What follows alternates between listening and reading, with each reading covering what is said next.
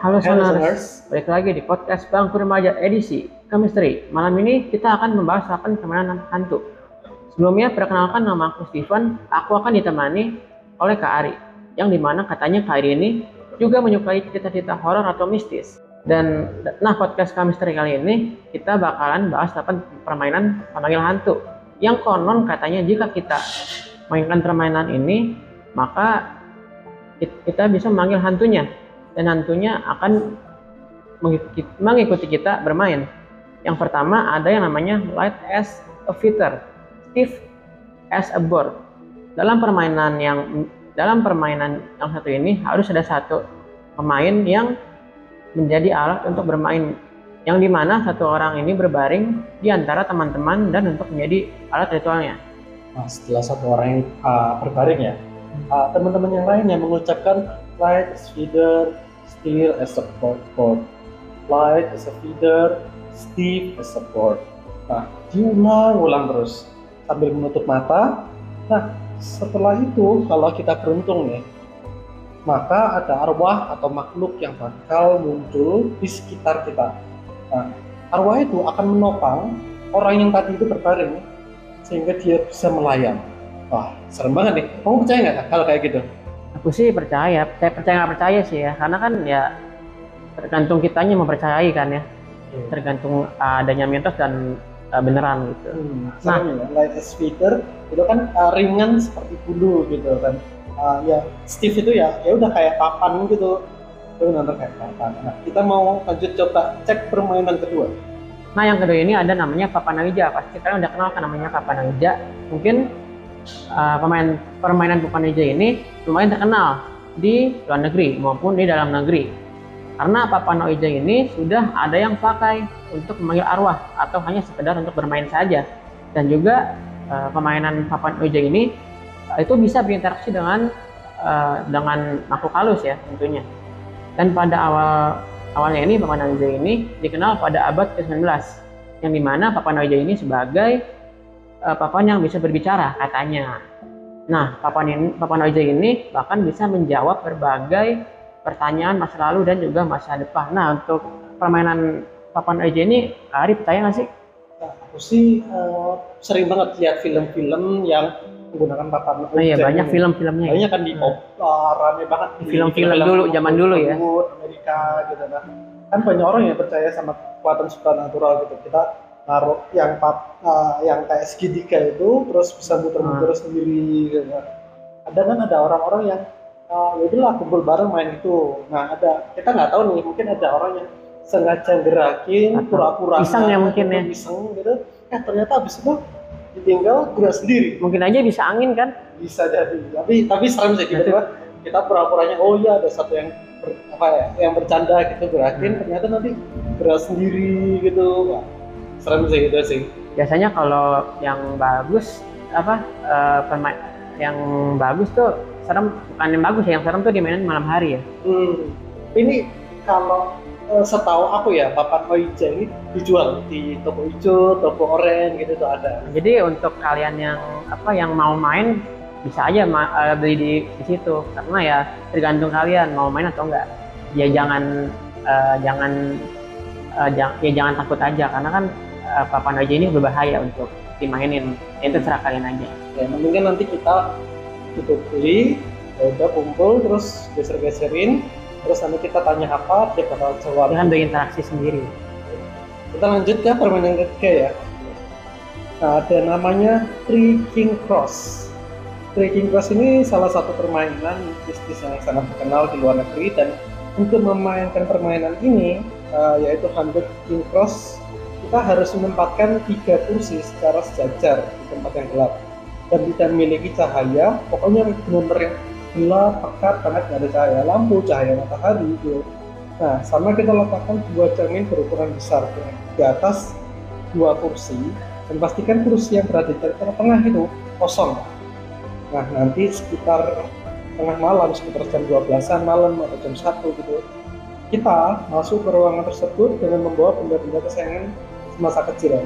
Nah, taruh aja di mana pun nanti ini, wah bahaya banget deh. Bisa-bisa gerak-gerak sendiri gitu ya? Atau gimana ini?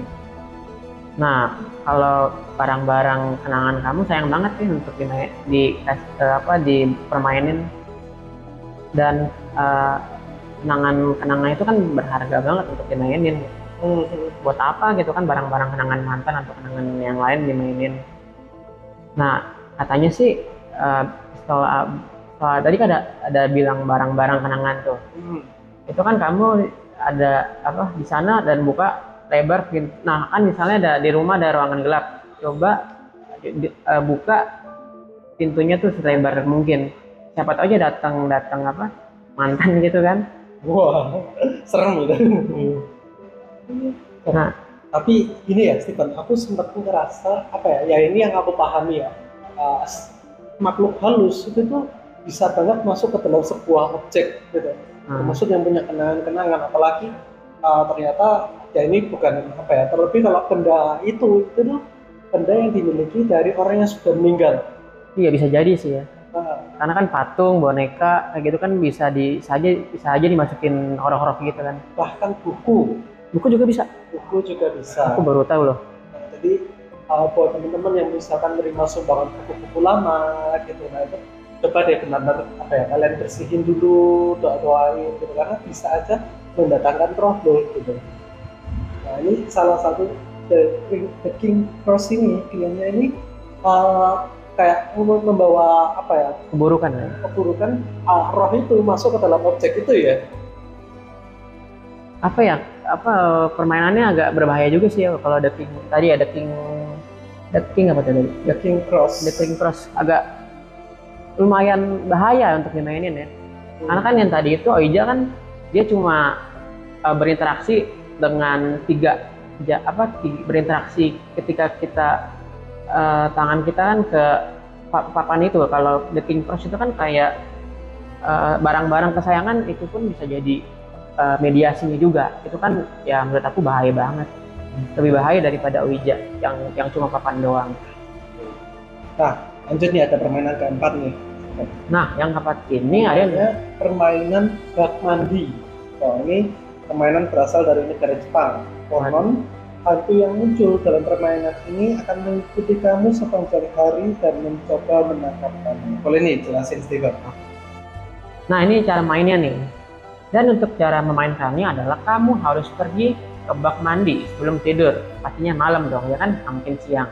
Lepaskan semua, semua pakaian alias telanjang. Isi bak mandi dengan air dan matikan semua lampu rumah. Ketika kamu masuk ke bak mandi, kamu harus menghadap ke keran. Nah, udah ya kalau misalnya mau mandi ya mandi aja gitu, nggak usah main-main yang kayak gitulah, ngapain. Nah, selanjutnya lalu tutup mata kamu dan mulai keramas. Di saat yang bersamaan, setelah itu kamu ucapkan kata darumasan jatuh, darumasan jatuh, darumasen jatuh, sampai kamu selesai mencuci rambut. Nah, kalau kamu beruntung, kamu akan melihat sosok bayangan wanita Jepang yang berdiri di dekat bak mandi dan jatuh pada keran. Rahmani dengan menembus matanya. Setelah kamu merasakan kehadiran hantu itu, tanyakan padanya, mengapa kamu jatuh ke dalam bak mandi? Dan jangan dan jangan menunggu jawaban apa pun darinya. Cepat keluar dari kamar mandi, tutup pintu kamar mandi, dan segera pergi tidur. Keesokan paginya kamu akan merasakan kehadiran hantu wanita tersebut yang di sekitar kamu panjang hari. Yang kamu yang harus kamu lakukan adalah jaga jarak darinya dan ketika kamu melihat sosoknya muncul di belakang bahu kamu, kamu harus menyerak, menye, menyerukan kata kita dan lakukan gerakan memotong karate. Jika kamu tidak melakukannya dengan benar, maka kamu akan dimimpikan oleh hantu tersebut. Wah ini seram lebih seram ya daripada yang ketiga, kedua, ketiga atau kedua yang sebelumnya ya. Karena kita harus bertelanjang di kamar mandi dan juga harus keramas. Aduh, apa ritualnya banyak banget yang harus di, di apa dilakukan ya. Jangan deh jangan sampai me, apa ya melukai diri sendiri mending mandi mandi tidur gitu ya kalau aku ya lebih kecil itu ya kayak terasa apa ya takut sendiri ya hmm. Mungkin karena sering nonton film horor gitu. Kadang kan kalau oh, iya. uh, gitu kan kayak takut sendiri ya. Oh kan ketika kita merem gitu ya hmm, kita kan banyak kan uh, sering gak sih pas ya ya dulu ramas udah ramas. mata aja. Uh, takut tiba-tiba ada di dalam ini kita gitu ya. Kan ya takut sendiri kita sering buka mata aja sambil kremasnya cepet-cepet Hmm. gitu apa apa dulu kayak gitu kalau kamu sama dulu sama sama ya karena kalau misalnya kita ini kan kita harus tutup mata kan pas keramas kan Hmm. nah yang ketakutan aku itu pas kita eh, apa di dalam mini kita kan kita kan punya mata eh, gelap kan tiba-tiba nih ada yang bayangan gitu loh Hmm. gimana nggak takut ya pas kecil Ya, gitu. Nah ini ini jauh lebih serem daripada yang sering kita alami pas waktu kita kecil gitu ya waktu itu ya. Nah kalau ini kan dulu aku juga pernah searching searching dulu pas kecil. Hmm? Eh, kayak apa? Eh, bener eh, bukan bener sih kak. Kayak pernah searching searching nah terus eh, pernah lakuin dan nggak nggak nggak nggak terjadi sih kak. Mungkin ya mereka jauh kali. Kita kan di Indonesia mereka di Australia mungkin jauh kali ya. Per- perbatasan negara. Ini namanya ini adalah uh, nama yang mirip sih sama kayak ratu di Inggris sana yaitu dijadiin permainan namanya Bloody Mary gitu. Duh, serem ya dari katanya aja Bloody Mary Mary berdarah ya kan? Mary ini merujuk pada satu ratu di Inggris gitu, Ratu Mary satu gitu. Nah, hal yang perlu kita lakukan untuk main ini adalah kita harus menyalakan satu lilin kita pegang di tangan nih lalu kita berdiri di hadapan cermin dengan kondisi gelap gulita lampu dimatikan semua nggak ada uh, di malam hari ya lalu lihat bayangan kamu di cermin sambil mengucapkan Bloody Mary Bloody Mary Bloody Mary Nah, konon cara ini bisa memanggil arwah seorang wanita yang bernama Mary itu sendiri, yang namanya Mary Ward atau Mary Washington. Tergantung mitos dari setiap negara. Jadi beda-beda ya dari setiap negara. Nah, lalu dia akan keluar dalam cermin dalam kondisi kondisi yang berlumuran darah si Mary-nya dan bisa melakukan apa aja ke kamu. Mary, Mary dikisahkan meninggal di depan cermin. Beberapa orang juga mengatakan kalau meninggal dibunuh dengan kejam oleh kekasihnya atau taman kencani. Sebagian orang menganggap itu seorang penyihir.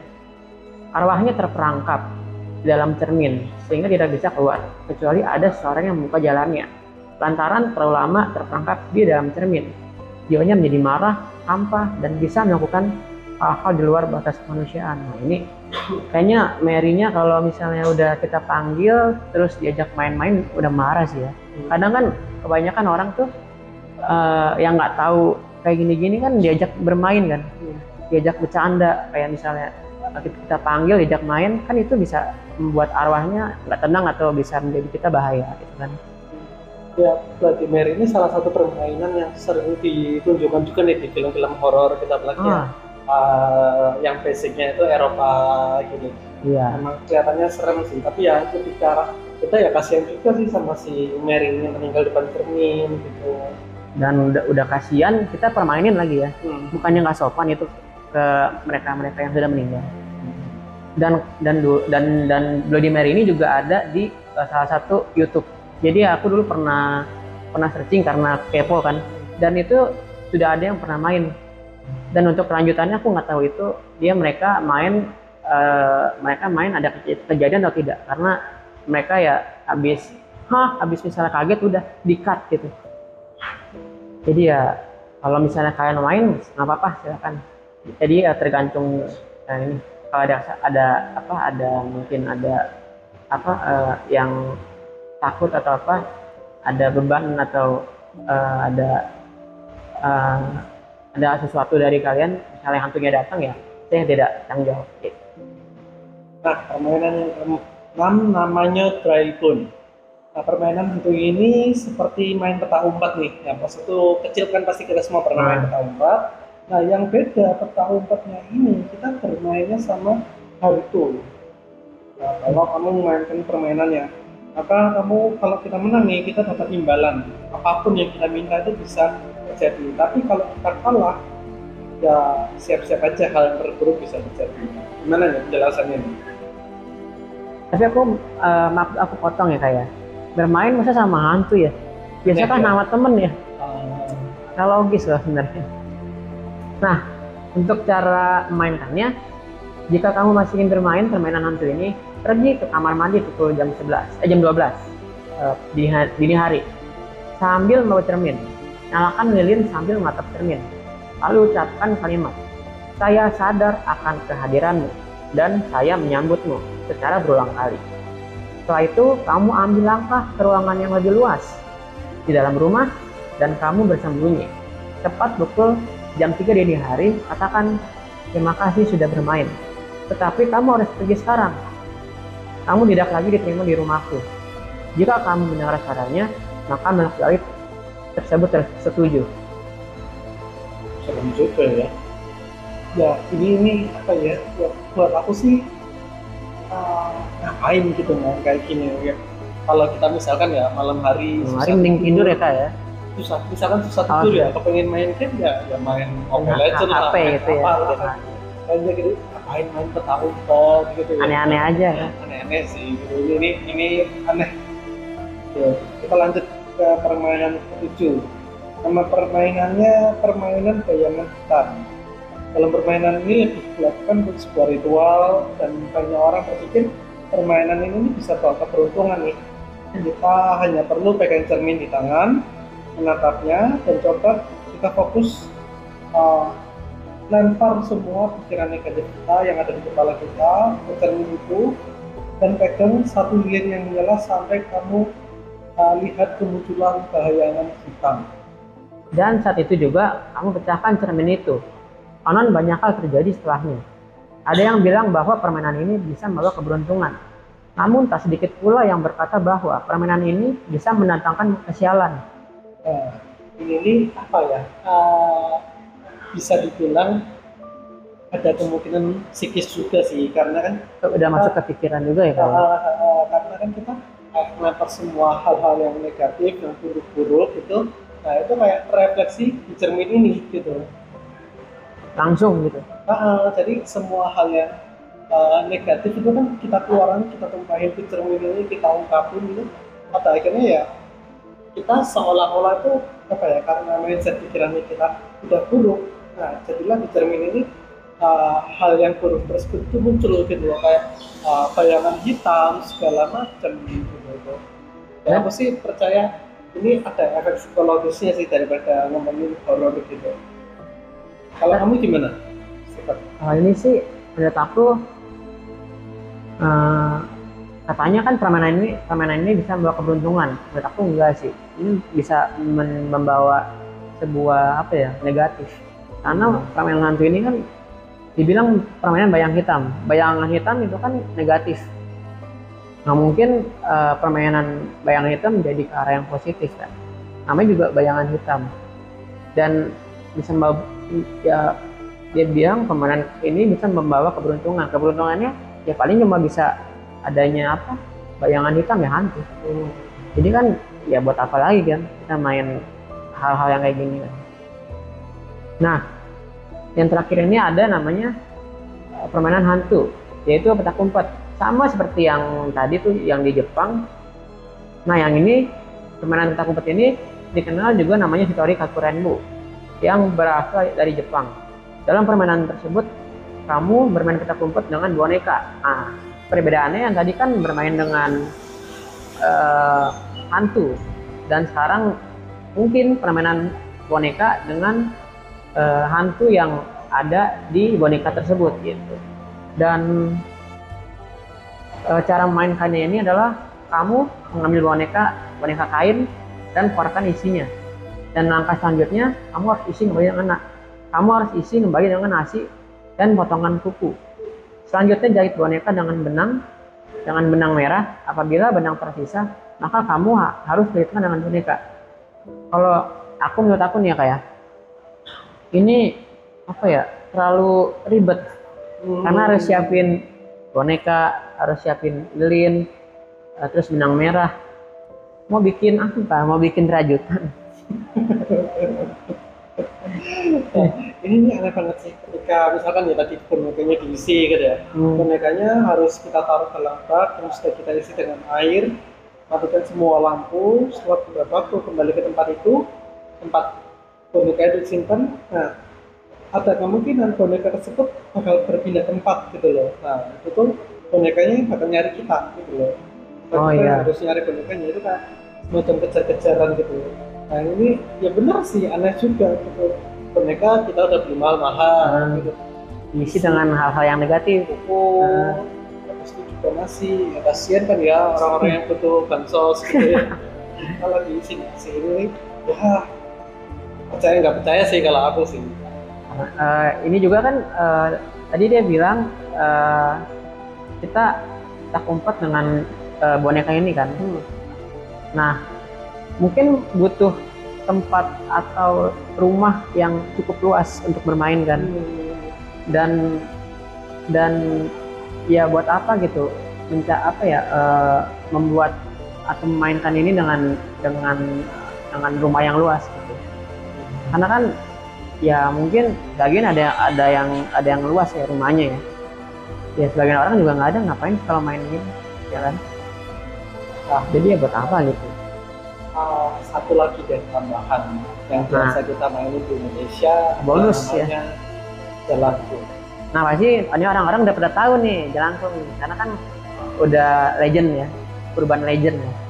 udah udah sampai dibikin filmnya kan ya dulu ya Ah iya iya. Nah, kalau di kita kan beda beda angkatannya jauh banget ya. Di angkatanmu sering ada nggak anak-anak yang main jelangkung dulu atau gimana? Kalau dulu bukan bukan anak-anak aku, tapi orang tua aku pernah. Orang tuamu? Dulu kan orang tua kan emang pernah pernah apa ya pernah kecil kan. Dan dulu dia pernah ikut eh, sama teman-temannya. Hmm?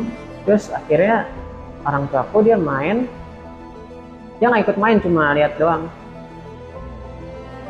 Eh, terus katanya emang beneran ada. Dia main pas sore atau menjelang maghrib gitu. Kayaknya sih katanya emang beneran beneran apa ya beneran beneran apa keluar gitu loh. Karena kan aku dulu juga pernah eh, melihat kayak supranatural atau eh, paranormal juga ikut main kan beneran adanya kan nggak nggak dibuat ya kita nggak tahu lah mereka setting setting atau enggak tapi kan eh, kebanyakan mungkin ah, bukan bukan kebanyakan mungkin ada yang yang beneran gitu. Dengan dengan adanya jelangkung ini ya mungkin ada yang bener gitu.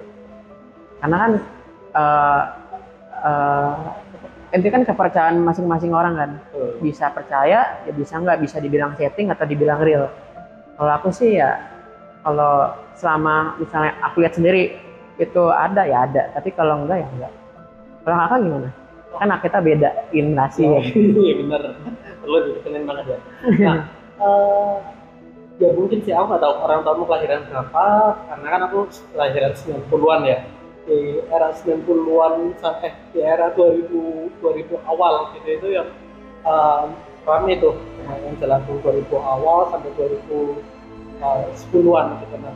Yang aku alami adalah eh, aku tuh nonton gitu ya aku nonton kondisinya eh, anak-anak kelas sebelah gitu tuh ah, iseng gitu loh istirahat ngapain ya ya udahlah pengen jalan itu gitu iseng banget ya iya orang belajar gitu ya dan istirahat Iya. gitu. itu emang ah, modelnya itu eh, udah kita pakai batang kayu dibikin kayak tanda plus gitu terus atasnya kayak ada batang kelapa gitu ada ditancepin di mana gitu sama kita siapin kayak tempat isi tulisan gitu segala macam ya udah kita main manggil mantranya gitu beberapa kali gitu sambil nanti nunggu bonekanya gerak sendiri gitu. Nah setelah bonekanya gerak sendiri ah, ya udah kita bisa tanya-tanya gitu. Dia bak- bakal menuliskan jawabannya di situ bakal menjadi jawabannya gitu. Nah sayangnya pada waktu itu tuh ah, bonekanya nggak mau pergi setelah udah selesai gitu. Itu nggak mau pergi malah kerasukin temen kelas Nempel gitu. ya? nempel ya udah sampai dibawa guru agama seperti itu. Di rupiah gitu ya ah ya semacam itu nah setelah itu ya udah bonekanya dibakar ini. Ini eh, buat aku sih? Wah serem juga ya. Ya entah itu beneran kerasukan atau efek Hmm. psikologis atau gimana. Tapi itu ah, satu peristiwa yang menurut aku wah ya kita tuh nggak boleh main-main nih sama hal-hal yang gaib gitu. Ya. itu sih tuh kan aku lebih Kari lebih pengalaman daripada aku ceritanya kan. Karena mereka karena Kari kan juga eh, lebih tadi Kari kan Kari kan eh, tahu akhir tahun 90-an ya. Jadi lebih ad- lebih banyak pengalaman tentang mistis juga gitu. Nah kalau untuk untuk apa untuk eh, panggilnya itu kalau nggak salah jelangkung jelangkung datanglah di sini ada pesta-pestanya kecil-kecilan. Kalau nggak salah seperti itu ya Gak tahu, aku lupa. Dulu aku pernah film nonton Jelangkung kayak gitu. Oke. Oke, itu aja tadi udah udah kita udah ngebahas 8 permainan yang bisa manggil hantu. Sekian dulu dari kita buat Sunners yang mau berbagi kisah horor menarik boleh banget kirim ke Instagram atau Twitter majalah Sunday. Dan jangan lupa cek konten menarik lainnya di kanal kita yang tertera di deskripsi. Nantikan edisi horor lainnya. Terima kasih Kari. Thank you, Steven. Bye. Tangers.